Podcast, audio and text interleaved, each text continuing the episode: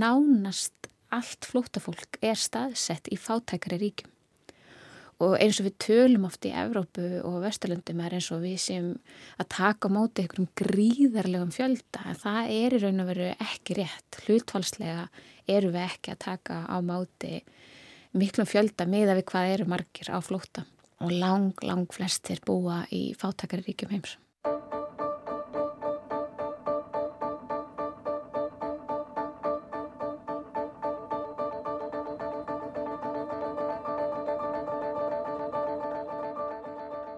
Þetta er Eva Bjarnadóttir, verkefnastjóri hjá UNICEF. Ríkistjótt Breitlands gerði í fyrra samning við stjórnvöldi Rúanda um að taka á móti flóttafólki sem kemur til Breitlands án tilskynna að leifa. Mannréttinda Dómstóla Evrópu stöfðaði þessa fyrirætlun og síðan hefur tekist á um þetta fyrir breskun dómstólum, nú síðast fyrir hæstarétti.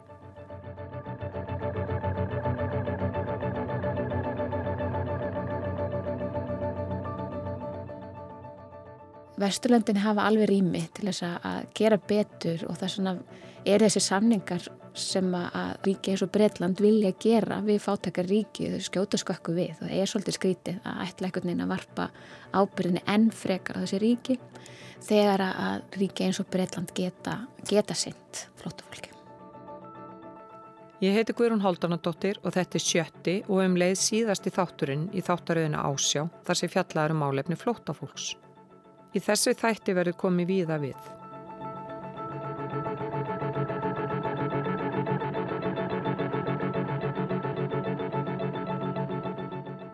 Sanga tölum frá Hagstofu Íslands fóru innflytjandur og Íslandi rúmlega 70.000 eða 8,4% mannfjöldansu síðustu áramót. Flest koma frá Pólandi og öðru ríkjum innan Evróska efnaðsvæðisins sem eru með frjálsan atvinn og búsetur rétt hér, ólíkt flestum öðrum jarðabúum nema þeim sem eru skilgreindir sér sérfræðingar af íslenskum yfirvöldum. Nánast allt þetta fólk á það sameigilegt að það talar ekki íslensku þegar það kemur hinga.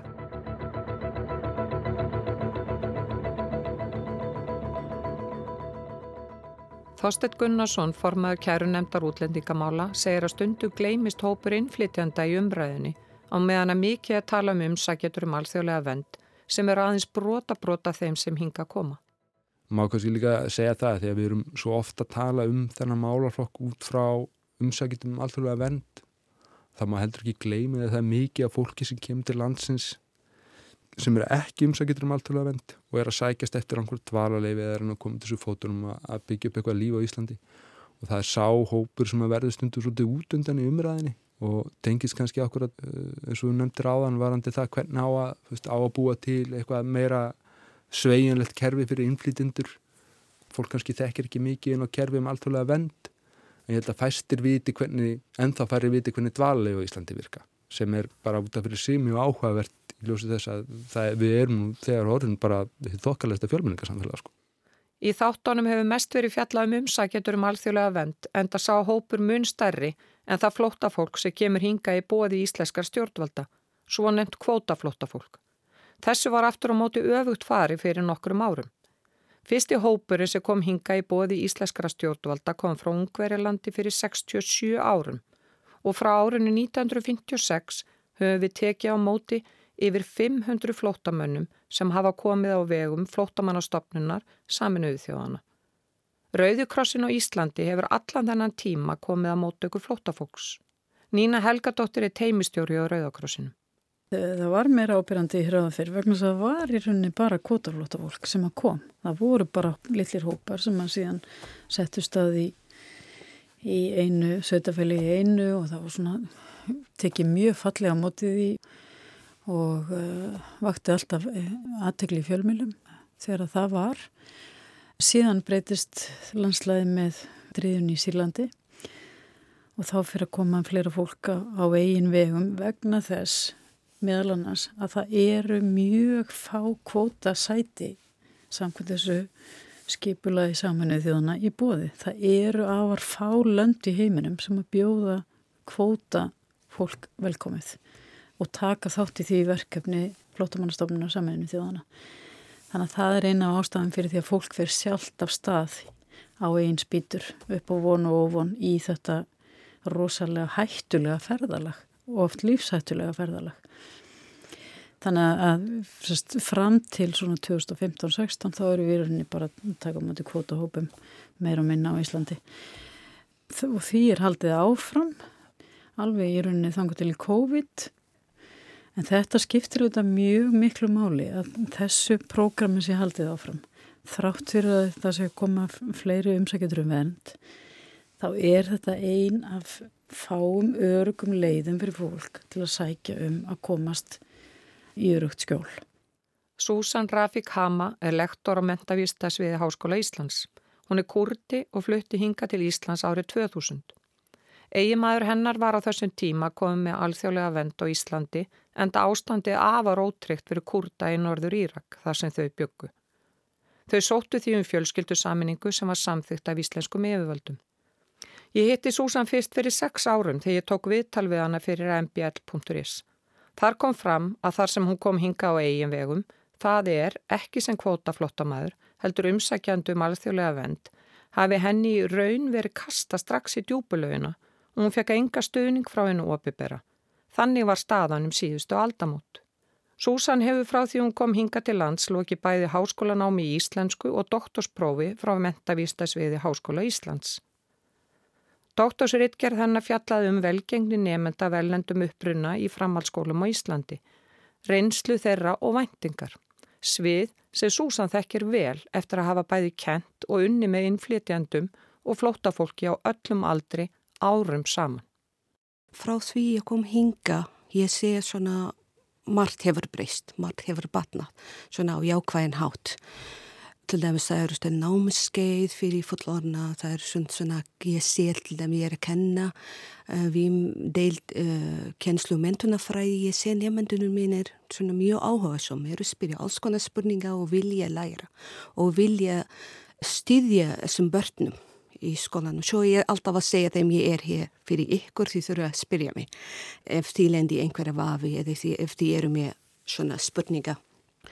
En í hverskipti til dæmis les svona eh, frettir eða hlusti á viðtölu eða eitthvað svona þá kem meira og minna um réttindi þetta fólk. Um réttindi barna, réttindi kvenna réttindi fjöliskina sem er mjög fint og þetta fólk þurfa að vita um þeirra einn réttindi.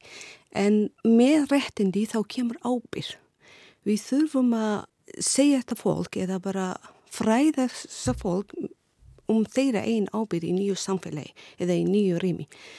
Þegar við svona gefum þetta fólk eða unglingum eða fjöluskildum eða foraldurum þessa ábyrð þá virkja þeim og lefa þeim svona að vera virkið þáttakendur í samfélaginu.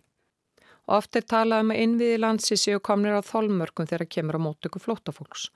Guðbrandur Árni Ísberg Sálfræðingur segir að jæðarsetning sé aldrei af hennu góða, ekki heldur þegar það kemur að innflýtendum og flótafólki það hefur komið mér á óvart allavega stjórnmála fólk talar þannig að og bæjarstjórar og aðrir að og er enda að hafa gert í, í mörg ára að nú sé komið á þólmörkum en samt einhvern veginn vilist alltaf vera hægt að, að finna einhverja lausnir og húsnæði og svona. Þannig að ég veit það ekki, ég veit svo sem ekkit meira en bara flestir aðrir varðandi, varðandi innvið en við erum allavega ekki komin með einhver svona gettó. Já, þú náttúrulega hefur reynslaði að starfa í slíku gettói Reyndar Já, og það sko og það er ansið tvíbent vegna þess að, að við vitum bara það að, að það að upplifa sig sem eitthvað jæðarhóp það er svona eigur hættuna á að einstaklingarnir fari að vera já, að, að í raun og veru að vera alltaf svona sko fyrtir í samfélaginu. Einhvern veginn að upplifa þess ekki sem held en á móti kemur líka að það er líka mikilvægt að upplifa að ég eh, sé líka innan um mína líka. Þa, það, þannig að þetta er svona fínt, eitthvað nefnir svona fínt jafnvægi að hópa ekki bara fólk eitthvað saman, bara hérna eru þið, þú veist, og hérna og það sem ég hef smá áhyggjur af er, sko það er skiljanlegt út af fjöldanum en, en þetta með að við höfum blessunulega ekki verið með einhverja flóttamanna búðir á Íslandi eins og hefur verið svona í löndunum í kringum okkur en nú er svona verið að tala um það ég veit ekki alveg hvað það er eh, sko statt í kerfinu en, en, en það er allavega fyrir einstaklingin er það ekki það besta Hann hefur áhyggjur á löngu byggtíma umsækjanda um alþjóðlega vend en bendir á að á sama tíma sé tími tekin í að skoða umsóknu gömgefilega. Sko það sem ég hugsa um þennan langa byggtíma að nú sko sérmaður á þeim einstaklingum sem eru hælisleitundur og bara virðast virkilega ekki hafa að neinu góðu að hverfa. E, að því að bara líf þeirra og limir eru í hættur henlega að þá er langur byggtími óbúslega sko slæmur.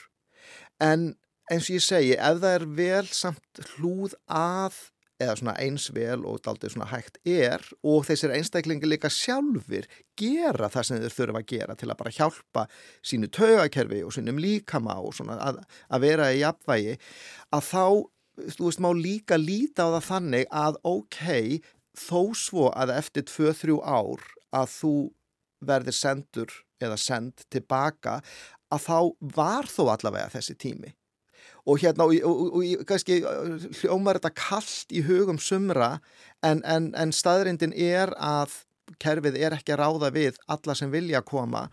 Þannig að þó að eins og ég segi að einstaklingurinn sjálfur myndi vilja óska sér eðlilega að bara getið gefið mér svar, bara 1, 2 og 3 einhvern veginn, að þá er þetta samt ef við myndum bara afgreðið þetta á viku í hvað væri viðkomandi að fara Þa, þannig að þetta er líka, veist, það, það, það er margt í þessu, það er ekkert svona einfalt bara við þurfum að gera þetta svona, punktur, það, þannig að það er svona massin þarf að taka inn í. Frá því ársbyrjun hefur stýruhópur á viðhund stjórnvalda unni að gerð heilstæra stefnu í málefnum útlendinga sem miði að því að fólk sem sest hér að hafi tækifæri til inngildingar og virkra þáttöku í samfélaginu og á vinnumarkaði. Eitt af því sem umsækjetum um alþjóðlega vendar bóðu upp á er íslensku kjensla á meðan fólk er að býða eftir svari að þá á það meðal annars er rétt á því að fara í íslensku nám. Og ég myndi segja að stór hluti nýti sér það. Og þau fá þetta sér að kostnaðlaus að þetta er líka bara partur af alþjóðasamningu þannig að ríki er ekki að borga þetta eitt og sér. Þannig að þetta eru peningar sem er í einhverjum potti hérna en þessi hópur er náttúrulega bara mjög fjölbreyttur og það hefur verið vandamál af því að bara fyrst núna sem að ríkið er að móta stefnu í málefnum útlendinga og í fræðslumálum útlendinga. Eh, við búum við námskrá sem er byggð á gamalli námskrá frá Nóriði sem að Nóriður hefur að sjálfsögðu lungu uppdaterað.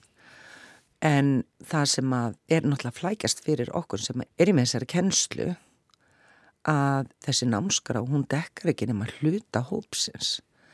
Við erum að fá fólk eins og bara núna, allt úkrænu fólkið, sem hefur ekki uh, latneska letrið í sínu móðumáli.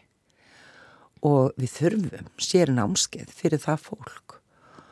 Við byrjum á þessu fyrir, já, þetta er orðin einn átta ár. Það sem við höfum markvist verið að kenna fólki bara vestranletrið að því að það eru fleiri en austur-Evropubúar, það eru Asjubúar, það er mjög margt fólk frá Afríku og svo auðvitað öll þau sem að tala arabísku og persnesku að þau hafi ekki latneska letrið í sínu máli þó þau séu jáfnvel með háskólagráðu. Og við höfum lendið því að þegar við erum að ræða þetta að fólk sér það getur engi verið með háskólagráðu nema að kunna ennsku og sem er náttúrulega bara merkjum þá forduma sem að Íslingar eru með að halda því fram að doktor frá Japan eða Kína eða Eþjópíu þurfa að kunna ennsku til að vera doktor sem segir náttúrulega til um það á hvaða málsæði við búum. Þetta er Gíja Svavastóttir, frangatastjóri tungumálaskólans Dósafesmiðunar. Hún segir dæmum að fólk dvelji hér árum saman án þess að geta fylst með því sem á sér staðið í þjófélaginu.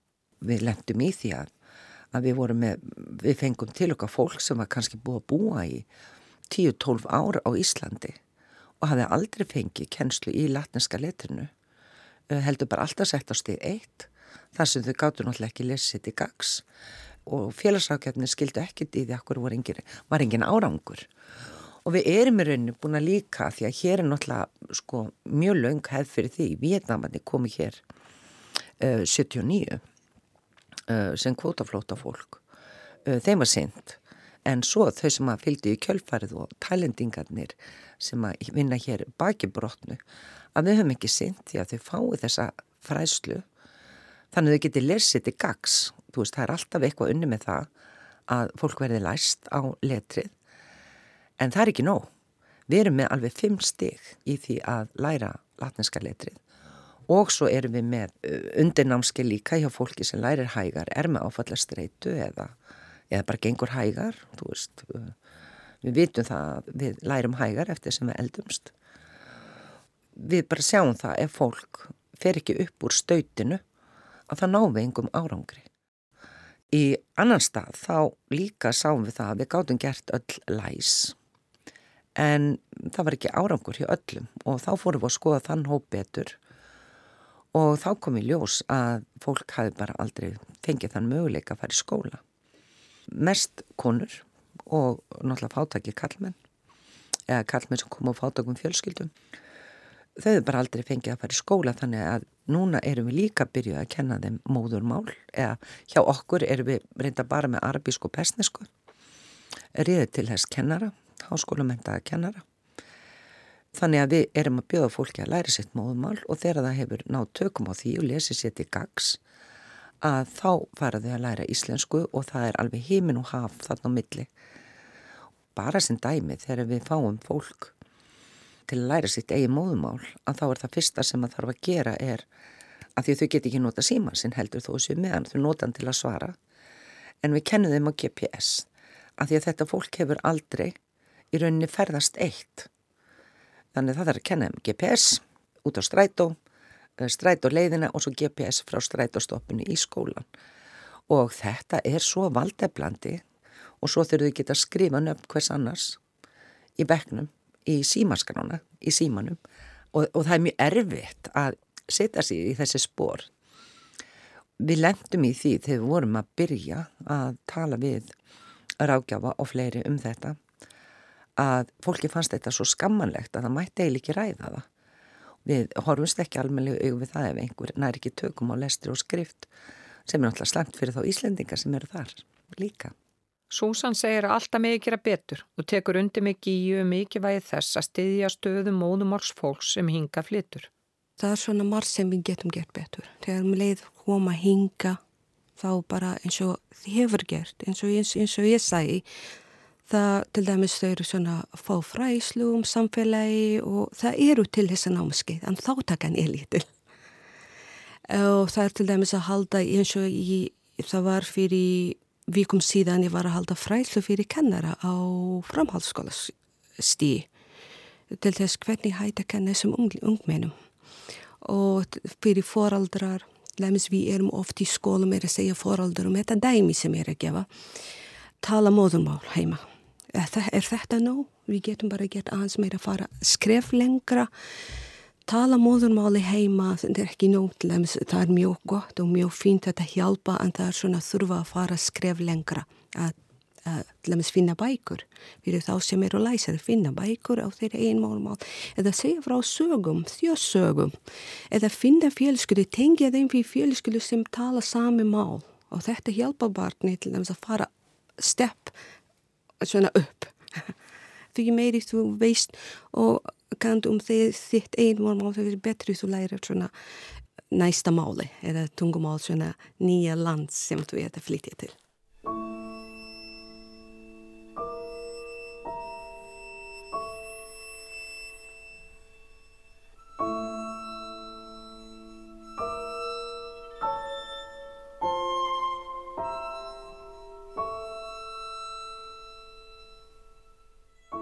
Gíja segir að vel sé haldið utanum að fólk sækir sér fræðslu en samt sem áður er fólk á vinnumarkaði sem getur ekki lesið launasæðlana sína. Þegar fólk fær kennutölu að þá er það sjálfkrafa skráð á vinnumálastofnun í atvinnuleit og á meðan það er í atvinnuleit þá á það rétt á einhverjum námskjöfum, 2-3 ári held ég og svo er það bara mjög semt hvað hérna ef aðtunleitin gengur illa þá kemur félagskerfið oft inni líka. Þannig að það eru mjög fá sem vilja læra sem að geta það ekki á, á þessum tímupunkti.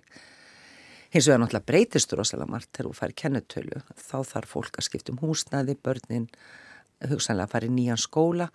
Þannig að uh, þau yfirleitt já, detta út við þessa breytinga bara vegna anríkis. En ég myndi segja svona að mörguleiti þá sé vel haldi utan menna um málflokk ef fólk vil læra. En svo náttúrulega þegar fólk er komið í fulla vinnu að þá erum við að tala um breyttar aðstæður, einstæða maður eða einstæði fóreldrar komast ekki nám á kvöldin. Og badmarka fjölskyldu það er bara mjög erfitt og fólk vinnur langa vinnudag. Við erum að sjá það, við erum sagt, við erum til dæmis í samtíð fólk sem er að læra latniska letrið, þau fá gerna vinnu, hardurlegt fólk og þau eru að koma eftir 12 tíma vaktir oft og halda áfram að læra á kvöldin og er mér mikilvægt að geta búið upp á þessu þjónustu fyrir fólki á kvöldin líka það er hún svo stór hópur sem er búin að fá vinnu sem að sko, getur ekki lesið launaseglin sem er náttúrulega daldi skelvelegt. Hún segir mikilvægt að fólk sem komið er í vinnu fá námskefi hæfi. Lausnin er ekki endilega bjóð upp á íslensku kjænsla á vinnutíma. Það getur verið freka flókið fyrir fyrirtæki og sum náttúrulega bara ef við horfum að bygginga fyrirtækin að, að hérna, það verður mjög flókið að vera með íslensku vinnutíma þar það sem ég, ég svona eiginlega sé meira fyrir mér að fyrirtæki gætu gert meira það væri að fólk fengi regla að fara fyrr úr vinnu til þess að læra íslensku. Kíja segir að námsefni vanti bæði fyrir fullotna og börn. Mér finnst allt og lítið leita til skólana sjálfra sem vita hvað vantar og þá við, sko ekki bara um fullorðsfæslunni, ég held að ég líka við um grunnskólana og framhaldsskólana að þarna vantar meiri tengingu við græsrótina, við okkur sem erum á gólfinu um það hvað vantar og hvernig efni. Og talandum sko að læra latneska leitir, það er ekki bara fullöðan fólki sem er þar. Og það er ekki heldur neitt kannad í rauninni, ekkert svona systematist. Það fer eftir skólum, sumir skólar hafna bara nefndum, börnum, úlingum sem að ekki kunna latneska leitir í framhaldsskólunum að því að sko framhaldsskólun ber engin skilda til að gera fólk læst og skrifandi. Þannig að þetta er orðið bara tölvert vandamál inn í framhaldsskólunum og þetta getur verið mjög erfitt að fá kannski ungling inn í grunnskólan sem að kann ekki latinska letirinn á að fara í sjöndabekk og þetta er því miður allt of lítið kannad ekki að því að fólk vilja ekki heldur vegna þess að þetta er tímafrekt og þetta er dýrt og það er ekki mannskapur og það er jáfnvel ekki kannski heldur þekking til þess að kanna þetta. En þetta er mjög slæmt vegna þess að við erum þá ekki með nám við hæfi og við erum líka búið til óbærilega raðstæði fyrir kennara eh, sem að fá þetta nefndu sem passa hverki inn í það nám sem að er verið að sinna í kjörstofu. Fyrir tveimur árum fólu stjórnvöld Háskóla Íslands umsjón með átagsverkefni um fjölgun kennara og annars fagfólks í mentakerfuna velendum uppruna. Í haust tók til starfa sérstök námsleið inn á mentavísndasviðs HÍ sem nefnist mentu fyrir alla og er ætla fólki sem hefur lokið grunnnámi á háskólastíi. Það er meðal annars horti kennslu barna og ungmenna velendum uppruna, segir Súsan. Í ár byrjum á 60 eininga viðbótadiplomu og við byrjum núna, við erum, þetta er svona nám fyrir alla, þetta er fyrir kennara. Og uh, námið þar er fyrst og fremst miðað af þeim sem vilja auka þekkungu sína á sviði svona mentuna fyrir alla. Og gerð er krafa um svona tveggja ára uh, svona stafsræðinslu um svona stóðþjónustu bæði í leik og grunnskóla. Og þar til dæmi sjöunum er beint aðalega á því hvernig búa má börn og bæði börn og ungmenni Eh, með svona ólíka forsendur til náms, aðstæður eða bæði til að þroska og læra í samfélagi við aðra. Námi sem við erum að kenna núna heitir kennslufræði og skipulag stóðþjónsta. Við kallum þetta stóðþjónsta og það var svona eitthvað nýbúa deild og eitthvað svona við höfum þetta, þetta hefur breyst og tilgangur þess að ná sem við erum að kenna núna er að undurbúa þáttekendur til að leiða og skipulegja stóðþjónstu í samstafi við fagæðila bæði innan skóla og utan. Við erum komað til okkar, við erum að kynna rannsóknir og kenningar og erum þar til að hjálpa þeim svo líka í skóla með fagæðilum innan skóla.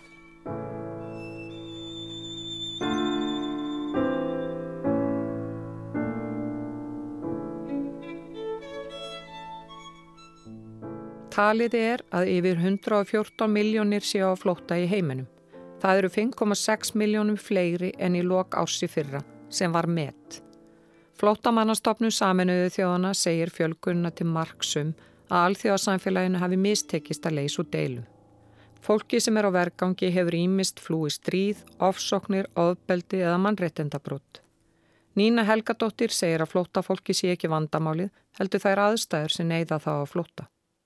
Ég held að, að við sem samfélag þurfum bara að taka höndum saman öll og gera betur.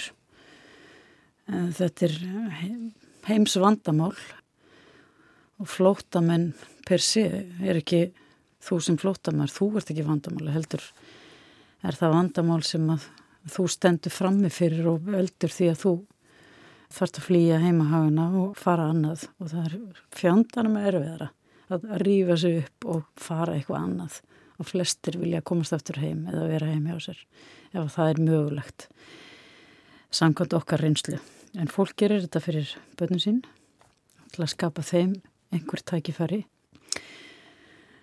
Þetta er bara viðfangsefni okkar tíma sem við þurfum að taka stáfið og, og gera vel. Og með þessar nýju stefnu sem er í mótun og við vonum auðvitað að það gangi rætt og vel fyrir sig þá þarf að samþekja þetta í þinginu og, og þetta sé allavega svona einhver rammi sem við getum þá unnið eftir. Samilega allar stopnanir, öll ráðunetti, sveitafélagin, öll þessi félagsamtök sem eru til staðar og eru að vinna að því að styðja fólk þessi fyrstu skrefin í landið.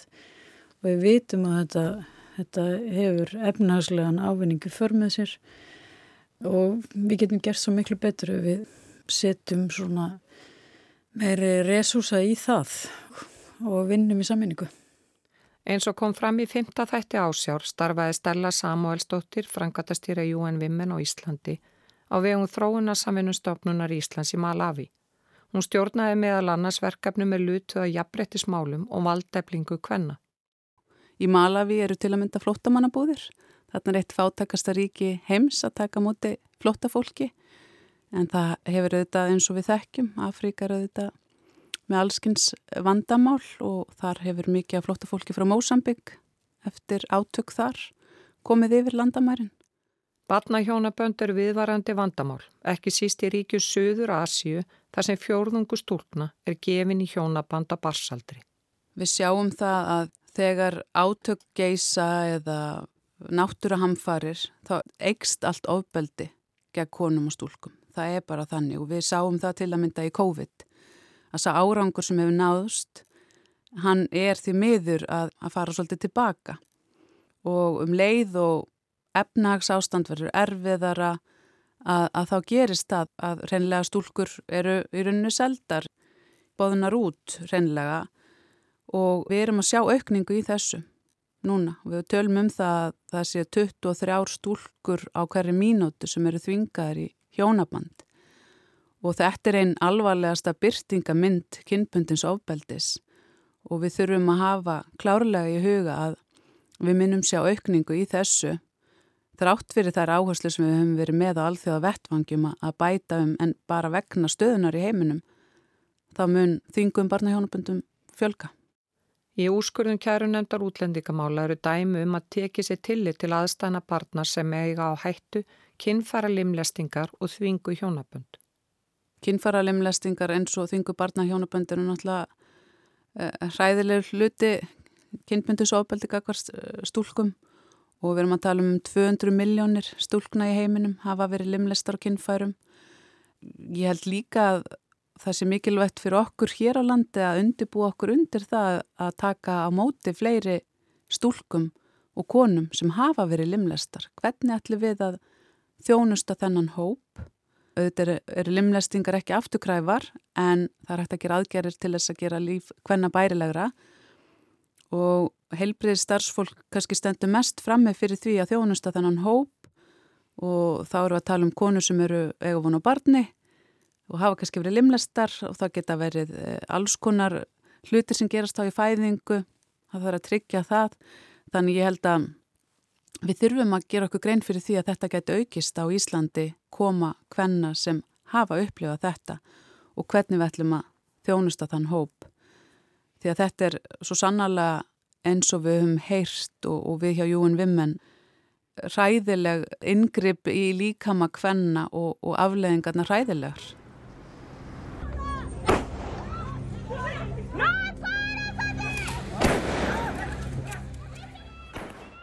Um þriðjungur allra sem eru á flótta eru frá Afganistan, Sýrlandi og Úkrænu. Líf fólks í Afganistan hefur litast af átökum í ára tugi.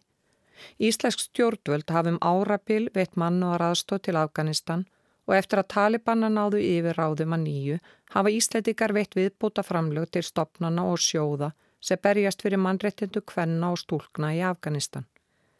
Þrengt hefur verið að mannrettundu þeirra og talið að tvekja áratuga framfærir í jafnrettismálum hafið þurkast út. Sérfræðinga saminuði þjóðana líka ofsóknu talibana gegn konum við kynjaða aðskilnaða stefnu þar sem konur eru niðurlagðar og útilokaðar að kerfisbutin hátta stjórnvöldum. Konur í Afganistan þurfa að hilja andlit sitt utan heimilis, þar mega ekkert fara án Karlkins velsæmisvarðar, þeim er meinu stjórnmála þáttaka og mentu stúlkna er óheimil eftir 12 ára aldur. Konur mega ekki starfa fyrir mannúðarsamtök og aðgangu hvenna að heilbreyðstjónustu sömuleiðis afar takmarkaður og því erfitt fyrir þær að tilkynna eða leita réttlætis í kjölfar ofbeldis. Talibanar af einni banna rekstu snirtistofa en snirtistofur hafa verið ákveðin greiðastæður fyrir konur. Þróinun hefur leittið þess að geðheilsa kvenna í Afganistan hefur farið hríðvestnandi og hefur sjálfsviðstíðinu aukist að því er framkemur á vef auðaríkisráðunætisins. Já, við hefum náttúrulega mikið hjá Júin við menn á Íslandi fjallað um stöðu hvenna í Afganistan og núna sérstaklega eftir þessi tvö ár e, þá hefur verið að vekja aðtikla því að, að konur eru rauninni orðna lifandi dauðar í landinu eins og það lýsa því sjálfar. Við erum að reyna að halda röttum þeirra á lofti og tryggja það að það, þeirra rattir heyrist en hins vegar er staða þeirra orðin þannig að þær, þær er einhver þáttakandur lengur í samfélaginu og þær eiga ekki ferðaskilríki. Og ef þær komast ekki út úr húsi jafnvel, þá er þær ekki að afla sér skilríkja. Og núna þegar við stöndum fram með fyrir gríðalegri verbolgu, fæðu, óöryggi, þá er ekki líklegt að margar stúlkur eða konur fara að flóta eða leggja að flóta. Þar eru rauninu bara fastar, þar hafa enga leið að komast út. Ég hugsa hins vegar að annar staðar frá í heiminum getur við sér aukninga frá konum og stúlkum og þá og lofslags flótta fólk líka. Það sem kannski er auðveldara að komast í burtu en staðan eins og hún er í Afganistan er, gerir konum mjög erfitt að, að fara á stað og leggja á flótta. Já, þannig að lofslagsmálin uh, verða sennilega sá þáttur sem mun hafa mest áhrif á fólk að flótta á næstum árum. Ég hugsa það að hérna, með það sem við erum að sjá gerast í heiminum auðvitað er líka átök að aukast, við sjáum það og, en neyð varðandi lofslagsmálin uh, er að aukast líka og þar verða konur oft vest úti. Þannig ég held að við munum sjá bara aukningu almennt í komu flótafólks en það mun tengjast líka meira ekki bara átökum og stríði heldur uh, líka vegna lofslags vandamála. Nína segir að Ísland hefði þurft að bregðast fyrr við fjölgum flótafólks. Við hefðum þurft að gera margt miklu, miklu fyrr og við hefum auðvitað og aðrir uh, rætt mikið um það. Nún er í fyrsta skipti verið að setja niður stefnu í málumnum með flytjenda og flótafólks. Hún er í bíkjörð hjá félags- og vinnumarkasraðanetisins Þannig að það má binda ákveðna vonu við það að við séum þá allavega komið einhvern vegvísi í hvaða átt við ætlum að fara og hvað það þýðir. Hún segir mikinn ávinninga af því að bjóða fólk velkomi hinga til hans. Samkvæmt öllum rannsóknum þá borgar það sig. Við veitum auðvitað að atunlífi er að kalla eftir vinnuöfli en það borgar sig líka efnahagslega reynlega að taka mútið flóta fólki sem er búið að fara í nám og, og er komið á á vinnualdur að taka vel á móti því. Þannig að hérna, við erum svona alltaf átt okkur á þessu. Ísland hefur ekki langa sögu í, í innflytjandamálum eða svona fólks, málumnum fólksflutninga og hér var bara fyrir 95 svona í kringum það, það eru hérna 2% þjóðurinnar af erlendum uppruna og síðan hefur þetta snarbrist og við vitum líka að þetta er að meiri, meiri parturinn er þetta eh, innflytjendur sem ákveða sjálf að koma, hinga og vinna. Og flóta fólk er bara örlítið hluti af þessum heildar fjölda þannig að það, það, það má ekki glema því. Og nú erum við komin samkvæmt bara nýjustu tölum er, er eh, fólk, fjöldi fólks eða prósenta fólks af erlendum uppröna er komin upp í 18% og ég held að við hefum þurft að, að hafa hraðari hendur og við, það var svo sem alveg komið á skrið mjög margt fyrir hrun og ég held að við höfum alveg verið, eða Íslands samfélag hefur verið ágætisleið fyrir hrun en það var mjög mikið skorið niður og við hefum verið svona lengur að rýfa upp þennan málaflokk heldur en margt annað eftir hrun. Stella Samuelsdóttir segir nöðsilegt að hlúa vel á þeim sem hinga leita ásjár. Ísland eh, almennt stendur sig mjög vel í að styðja við mannréttindi alþjóða vettvangi og hefur undir þetta marga sáttmála og í sinni þróunasammenni leggur áherslu á að styðja sérstaklega við konur og stúlkur og það er frábært og við fögnum því svo innilega hversu vel það er gert bæði tvílið og markliða samvinnu og í neyð og hérna mannuð. En við þurfum líka svolítið að horfa á það hérna innanlands í móttöku. Að sama vernd eigi sér stað gagvart viðkvæmum hópum og passa upp á það að hérna enginn sé skilin eftir. Og það er hægt að skoða það á margan hátt til dæmis bara í móttöku að tryggja það eins og við hjá Jón Vimmun höfum lagt áherslu á að það sé ekki verið að blanda hópum saman eða kynjum. Því að við vitum ekkert hvað fólk hefur lendi á leiðinni. Vi, við viljum ekki vera ábyrg fyrir því að aðstæður geta ógnað öryggi okkar fólk sem er hér statt á landi því að það er auðvitað hver þjóð sem ber ábyrð á þeim sem koma til þeirra lands alveg svo ef við heimsækjum London á morgun þá er í rauninni yfirvöld ábyrg fyrir því að ég geti verið nokkuð örug þarna í landi. Þannig að við þurfum líka að horfa til þessara þátt að hvernig tryggjum við öryggi allara og velferð sem við erum hér að hýsa.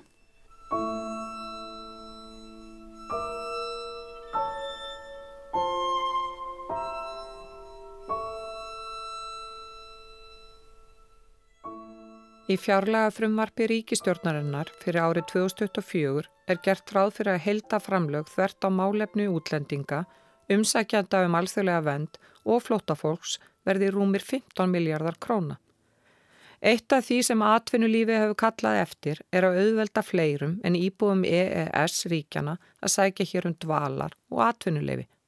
Samkvæmt uh, konunum eða rannsóknum OECD þá er aðtunum þáttökar flótafólks með því mesta hér á Íslandi með við annur lönd þannig að það er alveg ljóst að fólk sækist í það að sjá fyrir sér sjálft og sækja út á aðtunumarkaðin og afla sem mentunar og svo framvegs og framvegs þannig að það er ekki það er alls ekki hægt að segja að fólk sé að koma hérna og nýta okkar velferða þjónustu eða misnóta okkar velferðarþjónustu, það er bara stennstengan veginn samkvæmt, samkvæmt skoðun.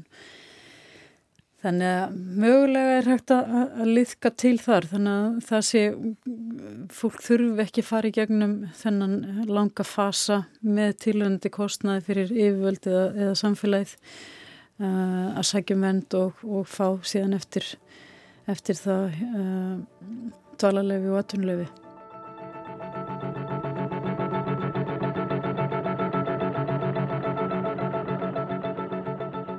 Þetta var sjötti og síðasti þátturinn í þáttaröðinu Ásjá þar sem fari var yfir málefni flótafólks og hvernig við tökum á móti þeim sem leita ásjár hjá okkur á Íslandi. Flestir eru sammála um að flótafólki munu fjölga í heiminum á næstu árum og miða við ástandi mála víða í Afriku fyrir botni miðjara hafs og stöðuna í Úkrænu þá er ekki mikil ástæði til bjarsinni. Það eina sem við getum vonast til er að svart sínustu spár muni ekki rætast.